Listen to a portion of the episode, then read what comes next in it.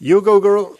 Med in čaj poslušate podcast o medijih, o dobrih in slabih praksah, novih tehnologijah in trendih prihodnosti. Gosti v medijih delajo, z njimi živijo in o njih razmišljajo in gostiva jih Aljaš Pangov Bitens, Radio Chaos ter Nataša Briški Metina Lista.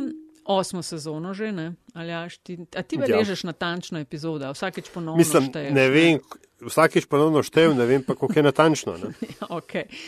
uh, ful smo vesela, da naj jo spremljate in res ful hvala za uh, deljenje epizode in ocene, ki nam jih namenjate in tudi uh, za res ful hvala za investicije v vsebine, ki jih delamo na metini listi. Uh, komentarji in predlogi sprejemajo v jih zalažem na na Twitterju ali až pod Afna Pengovskim, jaz sem na Afna DC43, drugač pa uh, čekirava tudi ključnik Met in čaj. Met, ja, s čujem, ja, seveda. Um, še kaj imamo na začetku zapovedati? Tebe, kaj žuli čist, kakšna. Ne, ne, ne, ne. Um, v redu, jaz se prav veselim najne pogovora uh, s najnim tokratnim gostom, ker sem um, tako zelo pozno v tej zgodbi ugotovil, ne, da sem se jaz um, ob njegovo delo in stvari, ki jih, uh, s katerimi se ukvarja, obregnil, tako rečem, že pred dolgo, časa, kar pomeni, da ta človek ne, se s tem ukvarja še dlje časa in mislim, da bi lahko marsikaj danes. Um, Povedali in razkrili celo. Ja, ja, in to bo res, mislim, se fulbo zanimiva epizoda. No, ni Marko Plahuto je naj en gost, Marko Zdravo. Uh, Marko ni čist klasičen medijski človek, da bi rekla, aha, je pa pri tem časopisu, pa pri tem mediju, pa tej televiziji ali tako dalje, ampak hkrati v medijih na v daljši čas že zelo intenzivno prisoten, predvsem jih pa secira na eh, način, ki ni uh, zelo pogost, hkrati pa um, gre v drobovje tako zelo, da zelo, zelo zanimive podatke dobiva in o našem, našem obnašanju na, v medijih in um, trendi v medijih in politiki in političarke v medijih. Tako se ful veseliva, um, da nama razloži, kako to dela. Marko, um, živijo. Živijo. um, ful um, na začetku.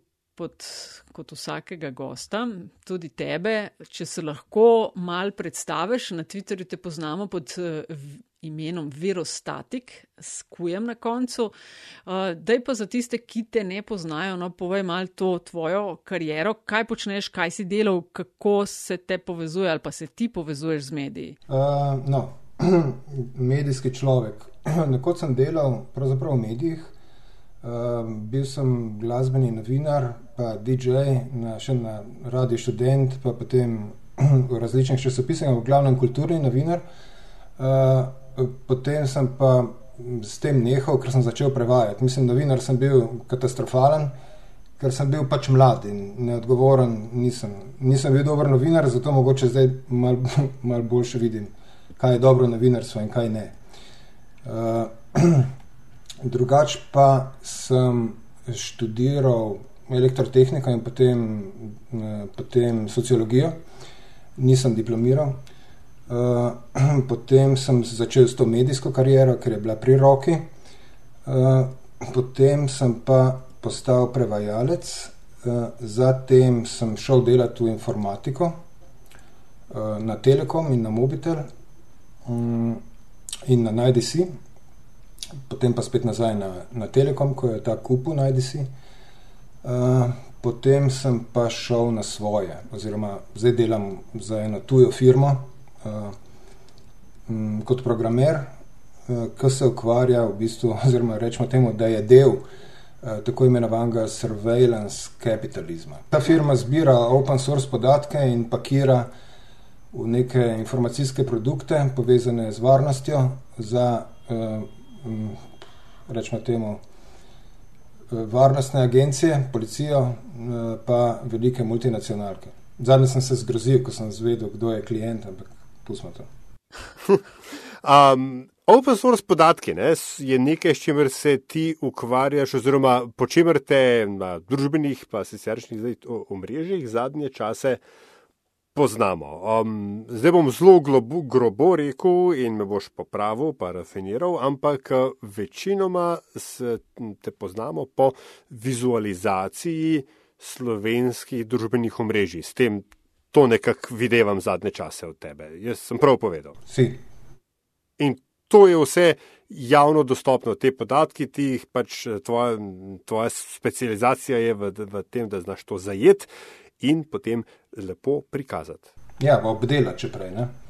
No, ja, evo, zdaj pa povej, kaj počneš uh, in predvsem zakaj to počneš. Se pravi, jaz v službi m, mm, je moj opis del, ne, če bi tako rekel, je uh, analitika besedila. Ne, to je moja specializacija, uh, v glavnem angliško besedilo, ampak pač slovensko ni dosti daleč po metodah, uh, rečemo temu. Uh, zdaj, z, m, pač v službi se ukvarjam z analizo ogromnih količin, podat, količin podatkov, to so milijoni, milijoni tweetov na dan. Ne, recimo, ne. In pač uh, imam, rečemo temu, neko, nekaj, kar je podobno ekspertizi, recimo na tem področju. Ne, um, uh, in imam ogromno kode iz službe. Ne.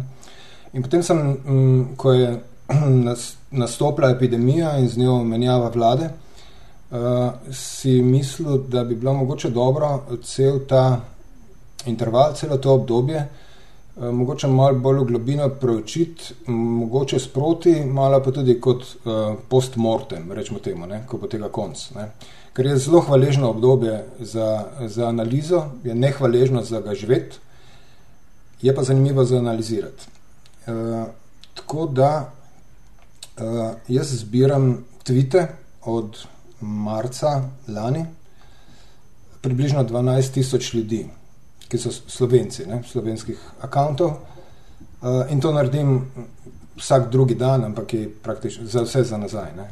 Tako da zdaj imam približno 30 milijonov tweetov in uh, uh, poleg vseh novic, ne, uh, seveda, ki jih objavlja več ali manj cela slovenska internetna medijska krajina, rečemo temu. Ne, uh, Uh, in iz tega se da marsikaj videti, marsikaj dobiti, uh, pa čeprav se ljudje trudijo, da bi skrili. Recimo, uh, to je ne, nekako ta, ta okvir. Ne. Sem pa, kot sem rekel, študiral sociologijo, ne, tako da sem mal tudi družboslovec, ne, uh, ki ima to prednost, da zna programirati. Um, dej za tiste, ki si to malo teže predstavljamo, kako dostopaš, kako priješ do tega, da imaš dostop do milijonov tvitev. Mislim, da je to vse odprto, prosti, kar zdaj tako naumno sprašujem, ampak lej.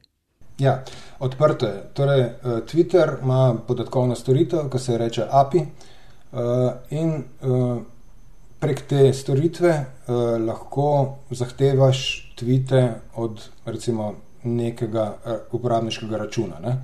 Lahko dobiš podatke o tem uporabniškem računu, kdaj je bil registriran, koliko ima lajkov, koliko ima prijateljev, koliko jim sledi uh, in kakšno sliko ima ne? in vse to. Uh, pa še vse tvite lahko dobiš. Ne? En tweet je pa opisan s časom, kdaj je bil objavljen, tekstom, uh, koga je omenil, kateri hashtagi so not, katere slike so not, torej vsi mediji. In še en kup nekih metapodatkov, ko so zelo hvaležni za analizo. Ne? Pravi, to je vse odprto in to lahko dela kdorkoli hoče. Ne. Problem je samo v tem, da moraš biti ustrajen, ne. ker šele longitudinalna analiza ne, eh, ti nekaj pove. Ti zdaj te podatke seveda dobiš ne, in, in uh, jih obdelaš. Uh, kaj v njih iščeš? Ja, to, kar se spomnim. Ne. Mislim, tle, jaz to delam za hobi. Uh, torej, mislim, dosti krat se pač pretakam jaz znanje med mojimi službenimi pravili in tem, kar delam za hobi. Ne. Se pravi, uporabim malo kodo, ko sem jim napisal za službo, da analiziram uh, uh, slovenski del Twitterja ne, in potem, če kaj novega odkrijem, prenesem to pol v, v službeno domeno, ne, rečemo tako. Ne. Ampak kaj delam? Uh, ponovadi reagiram, če sem čisti iskren, na, na neke dogodke, ki se odvijajo, ne? recimo nekaj se danes zgodi. In potem jaz pogledam v mojo bazo, ali uh, obstajajo kakšni trendi ali kakršen koli pokazatelj, uh, ki bi lahko to osvetlil ne, na bolj grafičen način. Ne. ne mislim grafičen kot vizualizacija, ampak tako, ne, da je neka, nek kontrast uh, v, v podatkih, ne, da je mogoče izolirati kakšno anomalijo ali kaj takega. In če se izkaže, da je dobro, uh, potem to nekako narišem na hitro in prikažem. Vse te stvari, ki jih jaz na Twitterju objavljam, to je, jaz porabim vem, eno uro zjutraj, to, da se spravim v, v tek. Naredim nekaj zjutraj in potem to narišem in objavim. Mislim, da se zdaj prepocen uh, prodajati. Ne? Ampak, uh, uh, glej, tako, no, se mi zdi, da je tista točka, pa tisti hip, ko je tvoje delo postalo, uh, ko je prebilo pač okvire nekih. Uh, podatkovnih kuriozumov na Twitterju, je, bila, je bil tisti v narekovajih incident, ne, ko je eh, neka manjša čistilna akcija se zgodila na Twitterju, ki je zajela, tako se je zdelo, izključno um, profile, da rečem, desne in skrajno desne politične provenience, ne, predvsem slednje. A, pa si se ti potem tega loto in ugotovil, da čistko pa vendarle ni bilo ali sem si narobe zapomnil? Mislim, jaz sem se tega lotil. Najprej ne povem, da jaz vem, uh, kdo, kateri računi na Twitterju so pravladni in kateri so protivladni, ker imam pač klasifikator za to, iz meta podatkov. Uh, zdaj, jaz sem se tega lotil v tem smislu agnostično. Ne? Glede na to, uh, koliko imam jaz tega, ne sem šel pogledat, katerim akaunt, kateri akonti so kar naenkrat nehali objavljati. In potem sem ek, ekstra preveril, da sem videl, da Twitter pove, da je akaunt izblocked ali removed ali ne vem, suspended. To. Uh, in potem sem zbral, torej to so samo tisti, ki jih imam jaz v mojih seznamih. Ne? Mogoče so bili še kakšni drugi suspendirani, ne vem. Uh, in te sem zbral, ne vem, koliko jih je bilo, nekih 100, 200. In potem sem opazil, uh, da so več ali manj, kot se je rekel, desne provenience, oziroma provladne provenience. Uh, bil je še had zraven. Ne? Pa bilo je še en par, bilo je še en par, rečemo temu, anticepilcev, ali pa za katerimi ni jasna njihova politična naravnanost, ki so jih očitno prijavili drugi uporabniki, ne vem kdo. Ne? pač v tri kategorije bi jih lahko dal. Had, uh, fašisti, mislim, res agitatorji skrajne desnice, rečemo tako, ne. Uh, pa ti anticepilci oziroma zanikovalci virusa, ki so se ne vem kako znašli na tem seznamu. In potem sem to objavil, uh, ne, sem objavil, kao padli za domovino na Twitterju in potem je, uh, potem je Tomaš Tih, smo imeli manjši konflikt, ne, tako imenovani libertarec, ker je pač to smo sliko ukradel in jo od, odrezal in pač po svojo, po svojo objavo. No. Ja, ampak uh, vprašanje sveda je kontekstualizacija tega, ne? ker ta, to je pač moj večni starokopitni uh, bif, ki ga imam z infografiko. Ne? Je, da eh, seveda lahko lepo zgleda, ampak ali nam pove zgodbo teh podatkov. In, in vprašanje tu, ne, v, tem, v tej viralnosti tega momenta, padli za domovino, je bila ravno v tem, da se, eh, koliko sem jaz stvari videl, ne, da je nekdo lahko iz tega potegnil popolnoma drugačne sklepe. Ne, kot nekdo drug, ali pa recimo sklepe, ki, si, ki so se recimo te pokazali. Tako, da, da svet posta, najprej postavimo vprašanje, ne, kakšne sklepe se ti potegnejo iz tega, da je šlo večinoma za, kot ne, se jih sam uh, opisal, uh, provladne akonte, ki so bili takrat suspendirani. Kaj je to tebi povedalo? Ja, pač prvič, uh, ne pozabiti, da jaz te tvite od teh akontov imam v bazi. Ne? Spravi, jaz sem jih zajel, preden so te akonte suspendirali. In uh, sem šel jaz pogledat, zato ti pa tudi lahko povem, da so bili nekateri proticepilci, ne? ker se mi je zelo čudno, uh, kdo so ti ljudje. In sem šel pač preveriti njihove tvite, sem si jih izpisal v konzolo in sem jih prebral. Ne? Za, kot en, en sample, bi rekel, reprezentativen. Uh, in pač večina jih je vem, spodbujala sovraštvo, ne? bili so tam, tam v tistem okolišu kot vem, rumeni jopiči. Uh, ne, uh, pač objavljali so ne vem, neonacistično uh, vsebino. Ne. Tako da, tako da potem so jih verjetno uh, uporabniki na levici prijavili na Twitterju zaradi kršitve uh, Terms of Service, ne, torej pogojev sodelovanja na Twitterju. In Twitter je ugotovil, da je to, um, da ima osnovo in so jim ukinili račune. Ne. To je vse. To je, torej, uh, zdaj pa še, jaz sem, jaz sem tam navedel, sem seznam teh ljudi. Ne.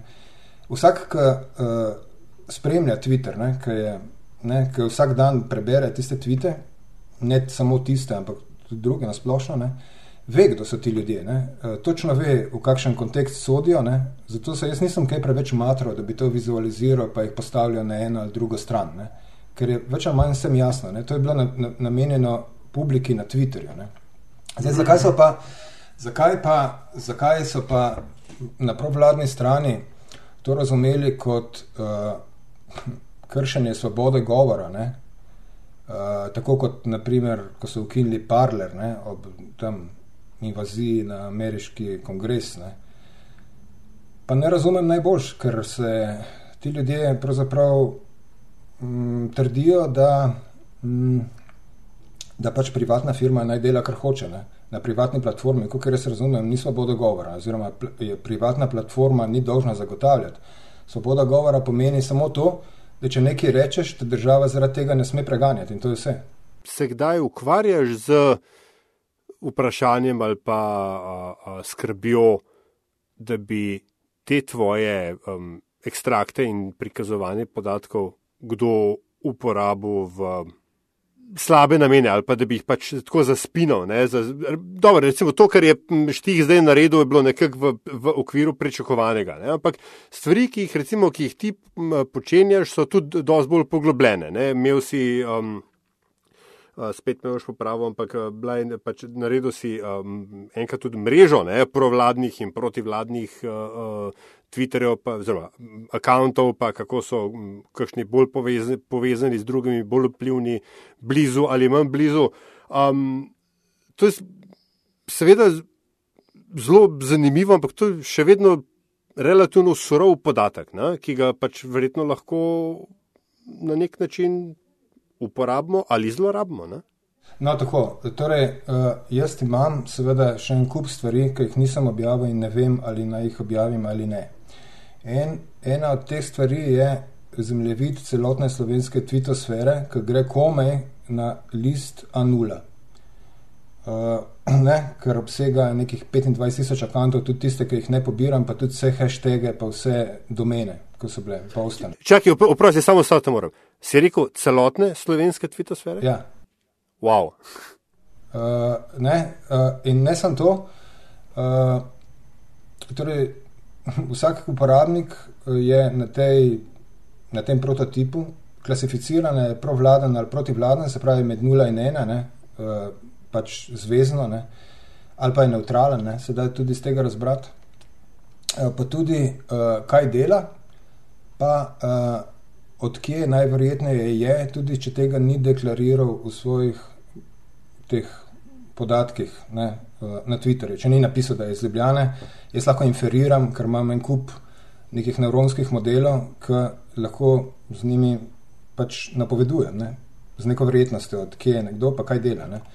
Tako da eh, pač jaz imam tle nek prototip s nekimi preseki, ampak sem se pogovarjal z ljudmi in uh, smo skupaj prišli do sklepa, da morda je preuranjeno, da bi to objavil. Zdaj me pa zanima, zakaj misliš, da je preuranjeno?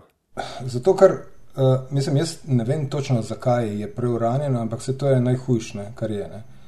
Uh, ker sem videl, uh, recimo, če se vrnemo na ta primer s temi suspendiranimi uporabniki, kako, kako je to mogoče zlorabiti. Kako, mislim, ti daš enkrat eno informacijo od sebe. In ne mogoče napovedati, po kakšni trajektoriji se bo gibala. Ne, ne mogoče, prav, kako lahko ti uporabiš to za tr, trditev, da prikazuje nekaj, lahko nekdo drug uh, to prikazuje drugače, oziroma celo uporabi drugače. Jaz mislim, da to, kar jaz objavljam, to bi, to pravzaprav bi moralo vladi koristiti, kakorkoli pogledaš. Zaradi tega, ker je nek uvid v neke komunikacijske oziroma mnenjske trende na, eh, na, na kako bi rekel, široke, ne, široko zajete na, na socialnem omrežju, ki ga oni sami uporabljajo. In bi se pravzaprav, mogoče ne bi škodilo, če bi se kdaj potem ravnali, ali pa da bi se vsaj nadalje raziskovali to, kar je tam prikazano. Ne. Recimo, ne. Mislim, če bi jaz vladal, bi vsekakor hotel imeti neke take raziskave. Če bi ti vladal, imam jaz občutek, da ne bi bile te raziskave potrebne. se hecam. ja, mislim, tako, no, če bi, tako kot ameriškemu predsedniku prinesejo daily briefing, ne, tam. CIA, NSA, ne vem, kdo mu prenese na enem listu natipkano, pa mu morajo še prebrati, če je to Trump. Ne. Dobro je, da veš, ne, kakšen je puls, puls te skupnosti, uh, ki, jo, ki jo usmirjaš. Ne. Seveda, seveda. Um, lej, omenil si, da pač Twitter ima svoj API, prek tega se lahko dostopa do vseh tweetov in si rekel, jaz imam vse, pa si pa številko, ki si jo dovan, asi 30 tisoč ali nekaj tacga omenil. Ampak več je Twitter računov v Sloveniji, nisem 30. Ja, več jih je, samo so pasivni. Uh, torej, uh, ne vem, jaz bi rekel, da je ena proti deset. Ne? Recimo, da je 20 tisoč aktivnih. Uh, s tem, da velika večina teh samo retvita, uh, nič svojega ne, ne, ne objavijo, ne, niti komentarja, recimo na nekaj, kar nekdo drug retvita. Pa imaš pa še en kup ljudi, ki so, uh, ki so samo poslušalci, ne, s čimer ni nič narobe, ne. jih pač zanima, kaj se dogaja. In, Neč ne objavijo. Ne? In zdaj, jaz za me, ne, za aktivno uh, zbiranje podatkov, so ti ljudje nevidni. Ne? Jaz bi jih lahko dobil samo tako, da bi šel iskat vse, ki sledijo nekim vidnim osebam. Ne. Recimo Janša ima vem, 75 tisoč ali 78 tisoč sledilcev, ne. zdaj jaz seveda prek Twitterapija jaz lahko to poberem. Ne. Sicer je zamudno ne, in tako dalje. Ne. Jaz bi lahko dobil vse username, ki so povezani s slovenskim Twitterjem in tako dalje. Sam potem ne bi imel z njimi kaj delati, zato ker ne, ne obstaja z njimi povezana vsebina. Ne. So samo neke pikce, ne. ne vem, kdo so, kaj so, ne, ni jasno. Ne. Če nekdo niti enega tvita ne objavi, kako ti veš, da je on sploh slovenc? Recimo, razumem, razumem. Ja, ampak se pravi, ti si nekako prišel po teh, ki so aktivni, do recimo tam nekje okrog 30 tisoč, kar se sklada z tudi temi raziskavami, ki si rekel krat 10, da je pa mogoče res nekih 300 tisoč ima odprtih v Sloveniji račune na Twitterju. Da mi povej, kaj more človek znati, da lahko tako, kot si ti delal in delaš, secira podatke. Rekel si, jaz sem programer, ampak lahko mal, mal globje zakopljaš v to. Ja, dobro. Najprej bi jaz hotel tle razpršiti neko, neko tis, mora biti, da je to ne vem kako težko. To ni težko, to je v glavnem, jaz kar objavim, je to v glavnem zgolj neko štetje. Ne? Uh, pobrati podatke iz Twitterja, uh, na, recimo v nekem, nekem oskem okviru, ne?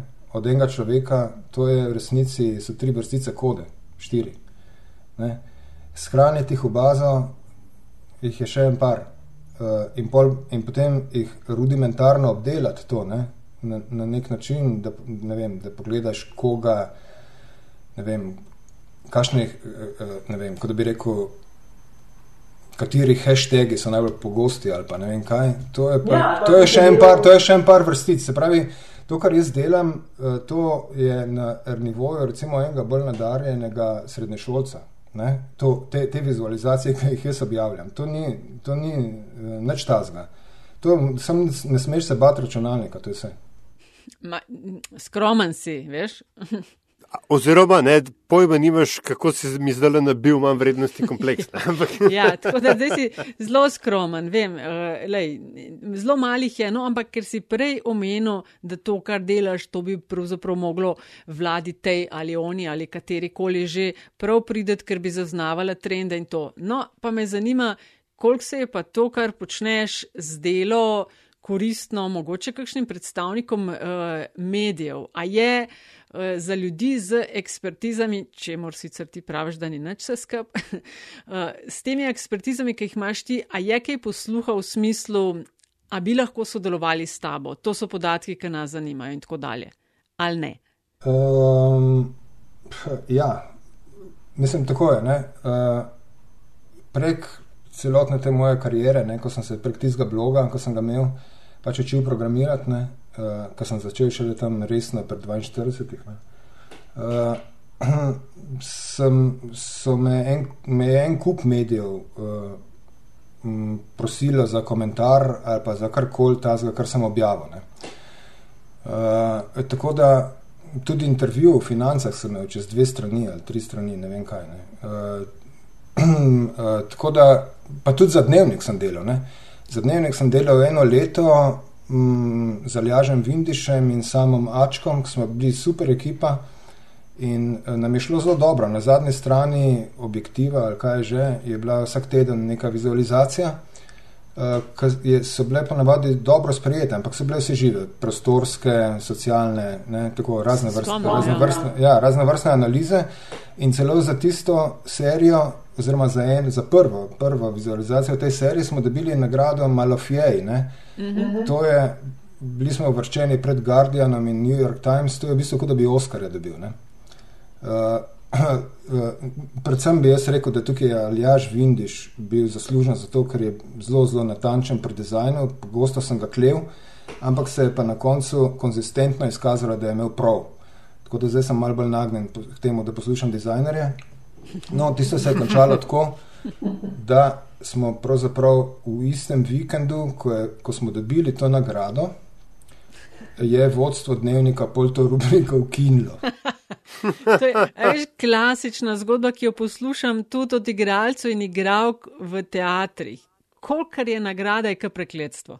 Ma, mislim, jaz mislim, da je to bolj koincidiralo, ni, ni bil razlog. Ni bil razlog. Takrat smo imeli dnevnik očistke. Uh, novinarje so odpuščali, ne vem, kaj so počeli s tistimi, ki so bili SP-ji. Ne vem, mislim, poznam nekaj čudnih zgodb, ampak ne vem, če, če, če ima smisel komentirati zdaj tu. Skratka, klesli so stroške. In naš, tisti, tisti naš kotiček, ne, krožek, je bil low hanging fruit ne, za ga oklestiti. Glede, prej si omenil svoj blog, ne, uh, kjer si, kot si rekel, se učil te stvari delati. Um, In jaz sem na začetku omenil, da so se najne poti nekako križale, uh, vsaj v blogosferi. Če sem prav pogledal, sem šel poiskati vmes ta post in sicer je bilo to davnega leta 2013, ko sem uh, ko je ena od teh tvojih uh, vizualizacij tudi postala viralna. In šlo je za. Um, se temu takrat rekel Social Network Diagram of Slovenian Government. Ne, se pravi, si zanaliziral nosilce oblasti, pa, pa um, urade oziroma ministrstva in gledal to, kako je to povezano in koliko je to blizu ali daleč od, od um, centra. Ja? Tako, ne? no in uh, zdaj, kar ali ravno, in pa seveda Dimitri Rupel. Ne? In če, don, če danes gledaš na, na ta diagram, zdaj le sem ga eh, spet odprl, pa je tako prav zanimivo videti, kako so ene stvari, ki so še danes problematične, recimo ministrstvo za zdravstvo, je pač tam nekje stran, ne, oddaljeno, brez nekih resnih povezav, medtem ko ministrstvo za notranje zadeve v sredini, še bolj v sredini je kot eh, recimo kabinet premijaja. Um, ampak uh, nekaj drugega. Če se ti zdaj toliko časa že s tem ukvarjaš in se ukvarjaš z tem našim priljubim blatnim dolom in ga, in ga postavljaš v, v prostor in, in diagrame in tako dalje. Kaj pa tvoja, bo rekel, longitudinalna raziskava ali pa preiskava, meta-analiza vsega tega, kar si zdaj se s čimer se ukvarjaš skozi leta, kaj ti to pove o Sloveniji? Mislim. Mislim, jaz, ko grem kam potovati, ko sem še lahko šel kam potovati, uh, nisem pol pa navadi bral novic, ne, slovenskih. Ne. Drugače pač zjutraj preberem novice in si pač mislim svoje, ampak pa, ko sem šel potovati in ko sem prišel nazaj, se mi je zdelo to vse tako nekako grozno, nekako majhno, no, uh, ko bi rekel. Ne. To so neki prepirčki ne, tukaj. Ne. Zdaj, uh, tale najnovejši prepir s to novo vlado in vsta, ko bi rekel, vročica, ne, to je nekaj novega. Ne.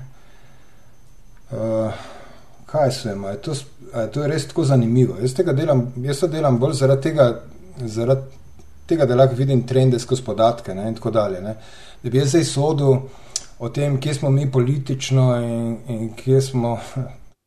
Se mogoče bolj mentalno, veš, tako. Slabo je, ne? mislim, se vidiš, da je slabo in, in še slabš bo, ne? se na boljš ne more iti. Ne? Uh, ja, ne vem. No. Sej, uh, če hočeš, da se izrečem politično, uh, jaz volim levico. Zakaj? Ker uh, so vsi drugi neoliberalni. Zaradi, te, zaradi kot protivtež, torej jaz zavestno delujem kot protivtež, jaz nisem zihar, da bi levica bila dobra na oblasti. Samo vsi drugi so pa popolnoma isti. Jaz ne ločim sploh teh strank med sabo. Jaz ne vem, ali SD in SDS se v resnici razlikujeta, razen kot po bolj finem tonu, s katerim v SD-ju operirajo. A se LMŠ, eh, SAB in kaj so še, ne vem, SMC, ko so še bili nek faktor, ali so se razlikovali po čemer koli, ne vem. Razen potem, kako postavljajo ločila njihovi, njihovi uh, predsedniki. Ne, ne najbolj, no, ne vem. To si pa res, zdaj se pa spomnim, jaz si tudi poločili. Skratka, seciraš te tvite na razne načine, pa tudi politike si, a si tudi, uh, kar si delal na stranke, kakšni, kakšni trende si videl? ki že govoriš o, o strankah? Uh, stranke, ne, jaz nisem še prav analiziral strank. Kot... Aha, si bolj sam direktne uh, uporabnike. Sam direktne uporabnike. Lahko bi tudi Aha. analiziral stranke in pravzaprav sem že bil v začetni fazi tega, da streniram nek, nek classifier, ki bi, bi, ki bi uh, napovedal za vsakega uporabnika, kateri stranki je najbliže. Ne? Aha. Na podlagi tistega, kar tvita. Na podlagi metapodatkov, na podlagi, pač, na podlagi socialnega grafa ne, uh, in, in interakcij. Uh, ker to, je, to so zelo, ko bi rekel, v teh podatkih se ogromno skriva, sam znati moraš ven potegniti. Ja, ja, ja zna, si mislim. Dosti krat je ne mogoče, da bi sam potegnil ven, ker je preveč kompleksno. Tu imaš opravka, ne vem, kaj s tem s 5000 dimenzionalnim prostorom ali več, ne vem, je, je težko eh, na oko videti, zato je pol, pač najbolj, da uporabiš neke numerične metode, ki jih moraš znati pač zastaviti. Zdaj, jaz imam srečo, da s tem delam, mislim srečo. S tem pač delam v službi ne? in sem se že navadil, uh, kateri pristopi obrodijo rezultate in kateri ne. In potem Uh, potem jaz to gledam, kako je to v Sloveniji. Ne? In, in pravzaprav včasih z odprtimi usti. Zdaj, kar, kar se meni zdi, pravzaprav od vseh teh vizualizacij je ena, ki je imela najmanj, pravzaprav rekel, nekega vpliva, pa tudi najmanj odziva, je bila ta, da torej jaz imam neki jezikovni model, ki pove, uh, katere besede so kontekstno podobne neki drugi besedi. Ne? Torej, če nastopajo v podobnih kontekstih, sicer ne, v divjini, potem se izkaže, da so podobne. Ne? In zdaj uh, je, ne vem kdo je, nek uporabnik na Twitterju, Brane Gruban, se mi zdi, je, se je spravil na Lenko Bratušek, ker je napisala, da je nekdo spet nekaj blokiral in tako, mislim, očitno je s tem nekdo mislila Janša. In potem je on napisal, pa da je imenuj ga, ne, ne zdaj nekdo, ne? če veš, kdo je, pa napiši, kdo je. In pa sem že pogledal ta model, uh, uh, kaj so sinonimi besede nekdo. Ne? Nekdo ali pa nekoga ali pa nekomu, ne? vse te skupaj. Ne? In sem pogledal, in pravzaprav že na desetem mestu, in potem s če dalje naraščajočo frekvenco, se pojavljajo Janez Janša oziroma njegovi vzdelki. Ne? Torej, to pomeni, da pravzaprav ljudje se ne upajo več na Twitterju imenovati Janeza Janša s pravim imenom, ampak raje operirajo z besedo nekdo. To se dogaja na nivoju korpusa, kar pomeni, da se dogaja na nivoju množične psihe.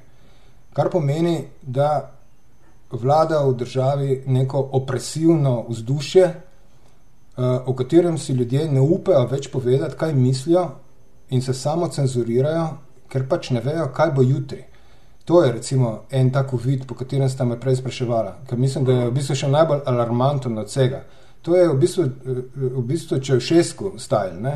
smo že tako nekje, ki sem že, misliš, da je boljš, da ne napišeš Janez Janša, ampak da rajš napišeš nekdo, zato ker če, bo, če ti bodo v prihodnosti uh, uh, rukali dol vrata ob 4 zjutraj, ne, boš lahko rekel, da si napisal nekdo, ne pa Janez Janša. Ne. Ampak pa bojo oni rekli, ne te ne zabava, da vemo mi, kjer predsednik je baraba. No, sej, to, to se mi zdi, ne, se pravi na nivoju korpusa, ki govori pravzaprav o, o načinu izražanja naroda. Ne, da nekaj tazga ugotoviš na nivoju korpusa, je, eh, se mi zdi to milo rečeno problematično. Ne. A to hoče reči, da je pol um, ne, nekdo prišel do točke v Harryju Potterju, kako je že bilo, he who must not be named, ali kako že. Tako nekako, ja. Prej si govoril, Marko, o tem, da imaš nekako te najbolj aktivne, klasificirane po um, levo, desno ali provladno, uh, antivladno, ampak se me ne zanimajo imena in tako, ampak kako ti narediš klasifikator za kaj takšnega? Kaj vzameš, za, da neki se klasificira kot pro neki ali pa m, proti nečemu?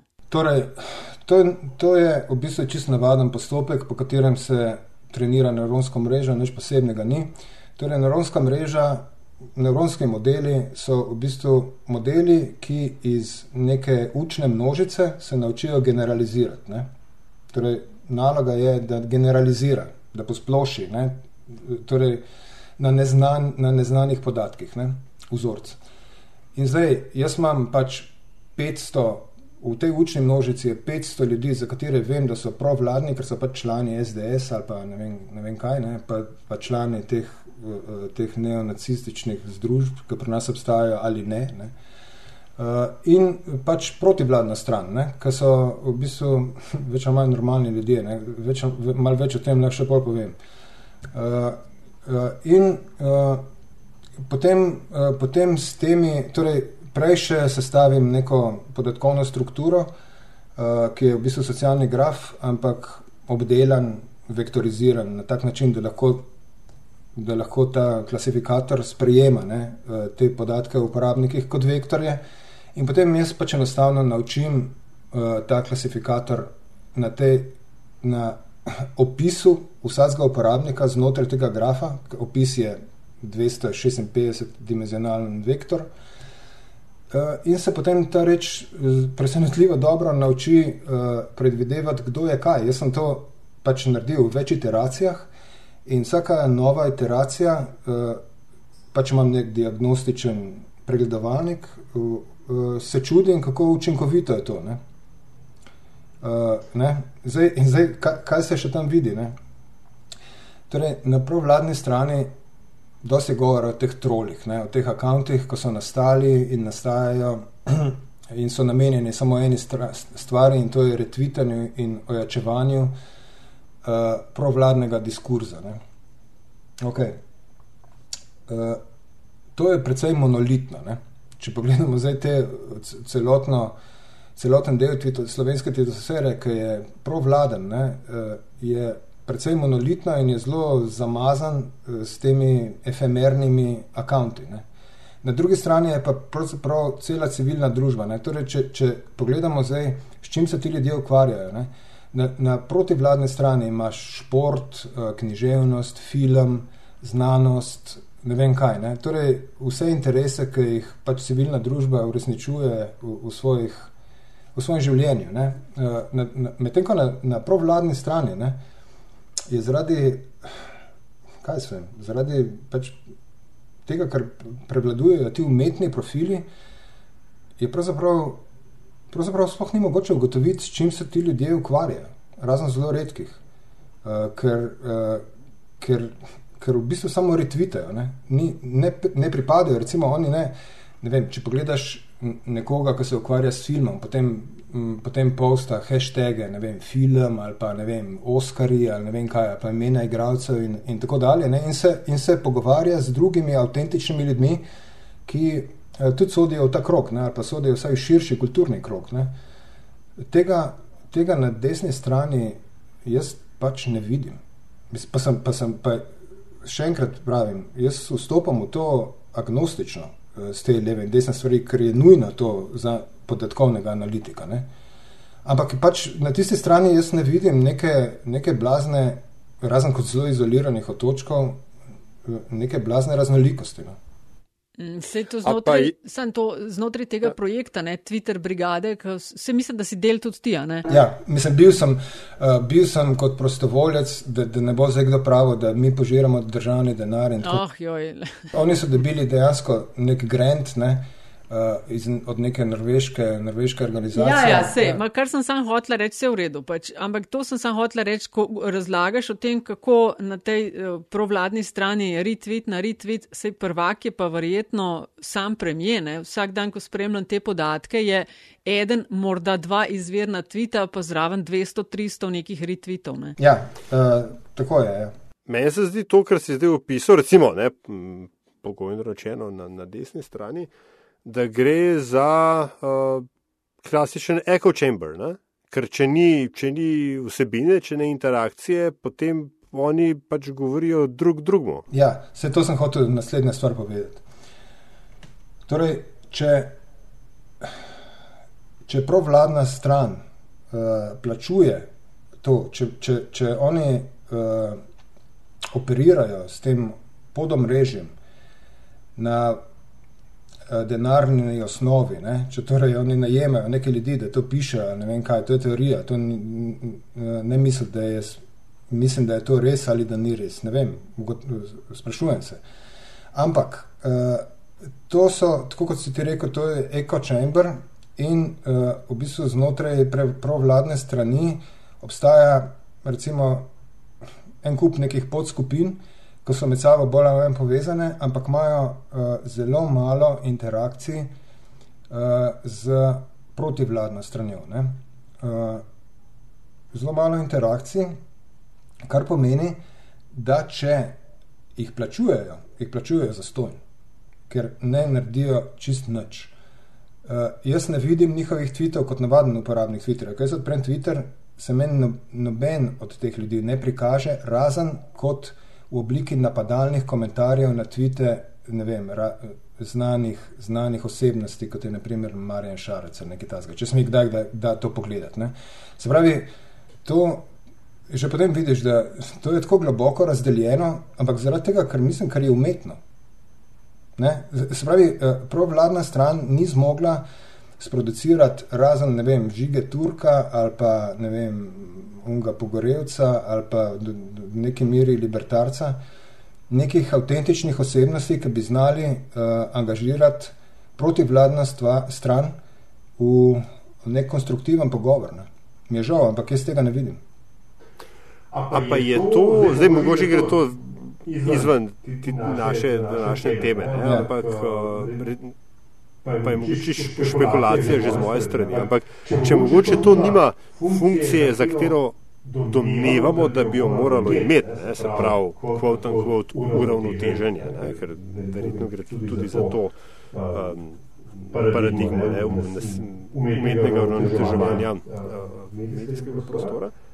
Ampak ima to lahko povezovalno funkcijo v na, na, na provladne strani. Ne? Če se že z njimi ne moramo pogovarjati, da pa vsaj sami sebe ohranjamo rečem, na liniji oziroma dvigujemo moralo. Ama vsaj takšne ja, se, to, se de, to se dejansko dogaja. Sej, uh, prvič vidiš, da v bistvu uh, kakršnega koli sklicevanja na te akonte, pa tudi na mnenjske voditelje desnice, ne, uh, pravzaprav na, na levi strani oziroma na protivladni strani ni. Ne, uh, mislim, objavljajo se screenshoti Twitter. Uh, uh, levica je strnila vrste, oziroma še enkrat protivladna stran, ker so tudi recimo uh, ljudje, ki sodijo v piratsko stranko, pa bi za njih težko rekel, da so na levici. Ne? Recimo, ne? Naš narobe s tem, ampak uh, ja, uh, to se je zgodilo. Ja, poglobil se je ta prepad, ne? ampak zgolj prepad med, med organsko strukturo ne, na eni strani, ki je že prej obstajala ne, na Twitterju, in med to novo strukturo, ne, ki se je začela uh, ustvarjati z eh, povečanim dotokom teh akantov, teh fiktivnih ljudi. Ne, uh, Kar se dobro vidi iz meta podatkov, kdaj so bili ti, ti računi ustvarjeni, in tako dalje, in, in kaj, koliko oni pravzaprav prispevajo k avtentičnemu diskurzu, uh, kot se vidi recimo iz razmerja originalnih tweetov in retvitov ali pa retvitov nove 24 in, in tako dalje. Ne? Ne? Se pravi, nič ne prispevajo, razen tega, da, so, da v bistvu ojačujejo neko, ko bi rekel, centralno določeno ne vem, komunikacijo. Ne?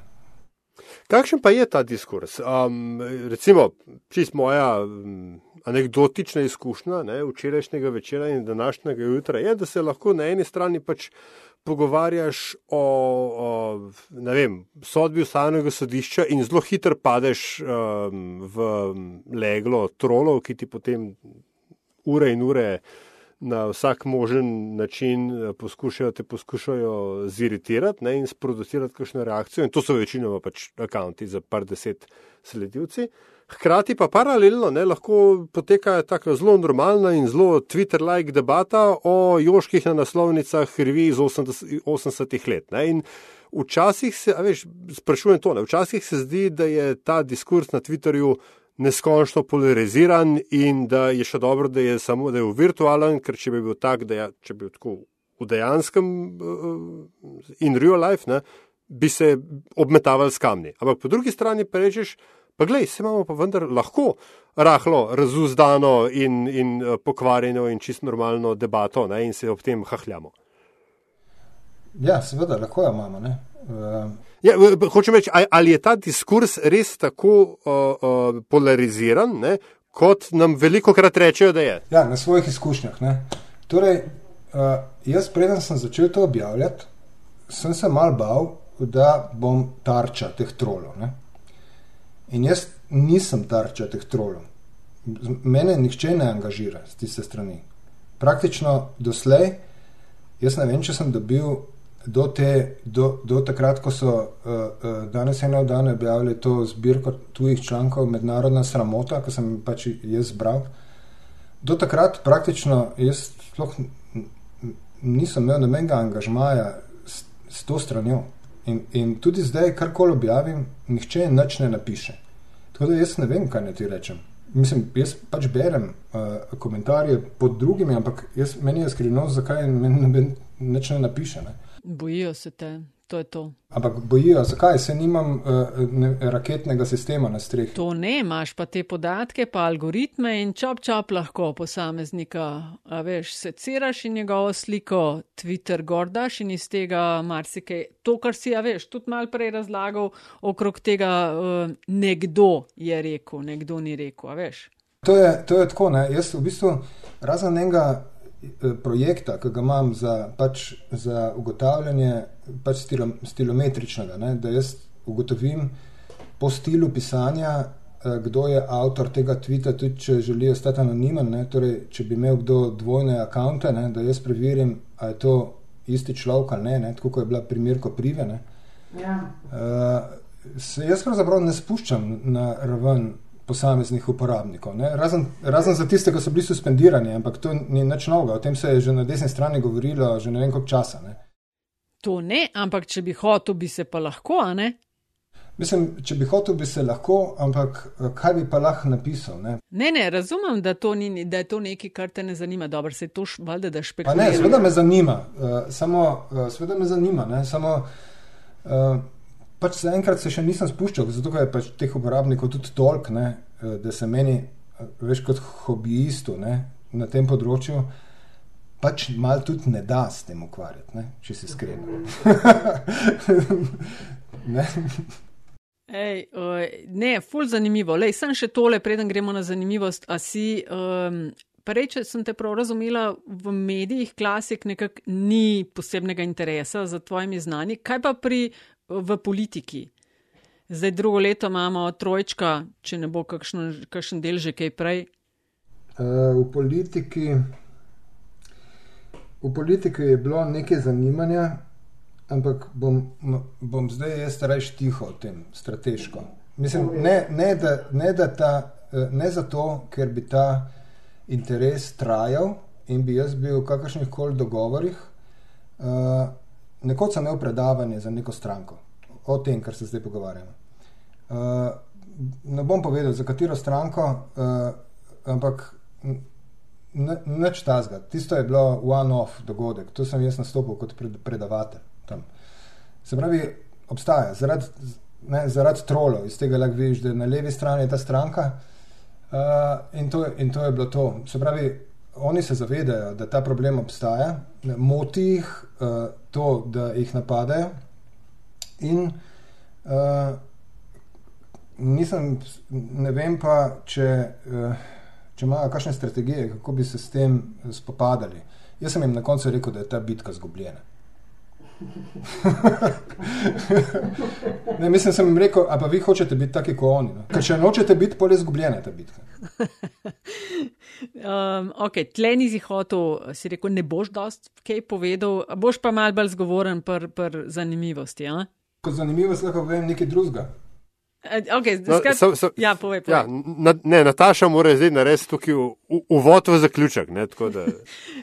Sem tako, da smo pri koncu in zadnje vprašanje je vsem gostom enako in to je, da z nami delijo neko podrobnost, zanimivost, zgodbo, anegdoto, karkoli priporočilo, ampak nekaj, kar oceniš, da ne vem, veliko ljudi ne ve, pa da bi jih znal zanimati.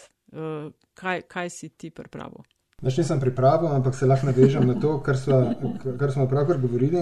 O tem je bilo kakšno, kakšno zanimanje strani, strani politike o tem. In sicer me je pred leti, ne vem, koliko sem bil star, 27, 27 zdaj sem 52. Uh, sem pisal za mladino in sem v tistem članku objavil, nekaj sem tiskal, sem imel nov printer in sem tiskal na denar tiste aljene, veš, ki se imajo, The Grace. -huh ne, na, na tiste za 5000 uh, dolarjev, ne, uh, kar neko dekoracijo. Ne. In pa sem uh, uh, pod pretvezo, da to dela nekdo drug, napisal nek manjši članek o tem v, v mladini. Ne. In potem sem dobil klic iz parlamenta. Uh, uh, Je Linčič, če bi lahko prišel k njemu uh, na sestanek v parlament. In sem prišel na sestanek, Uh, in je rekel, no, ti tiskaš na denar. Ne? Sem rekel, ne, ne, uh, en drug tiska na denar. Jaz sem se tem sam poročal. Ne? Je rekel, no, a bi bil pripravljen uh, pač tiskati za, uh, za, pač za, za nas. Uh, torej, a bi bil, sem rekel, ne, ne, ta človek, koliko ga jaz poznam, uh, tiska samo na, na visoke denominacije, ne, kot umetniško delo. Ne. Je rekel, ne, ne, ne, kaj pa če bi ti mi zrihtali fulenega denarja nižjih denominacij, pa bi uh, gor tiskal domoljubne parole, kot naprimer Istra je naša in tako dalje. Ostale sem že pozabil, ker je več kot 20 let takrat. Uh, neč, in potem sem šel pač uh, ven in državca pač na, na, en, na en štamprle, ne, dvojen. Ne. Ker sem si mislil, da če bo kdo nastradal, ne, uh, potem to zihar ne boje linčične. Ampak po svoj prijatelj. ja, ja. tako da, tako, da to, to se, tako se je to končalo. Zdaj bo on sicer za Niko, oziroma je verjetno že pozabil. On, on je takrat tudi ali ena uh, prosil, če se ne motim, če bi lahko, on, ali mu je celo on napisal neke, uh, neka besedila, pa če bi on to repal. Tako da Jelinčič je imel takrat ne, uh, tako, ne, uh, both feet firmly on the ground. Ne. Uh, zdaj pa ne vem, kako je to. no, lej, klic, ki si ga čakal celo življenje. Ja, ja. Zanimivo pa je, da sem takrat živel v, v stanovanju Berte Bojetu, ki je njegova uh, bivša žena. Ne. To je bilo še bolj čudno. Marko Plahuta, ful hvala, ker si bil gost metinga čaja. Hvala, uh, hvala vama za, za povabilo, pa morda se še kdaj kaj pomenimo. Upava, ful dobro. Absolutno. Ajde, čau. Držite, hvala lepa.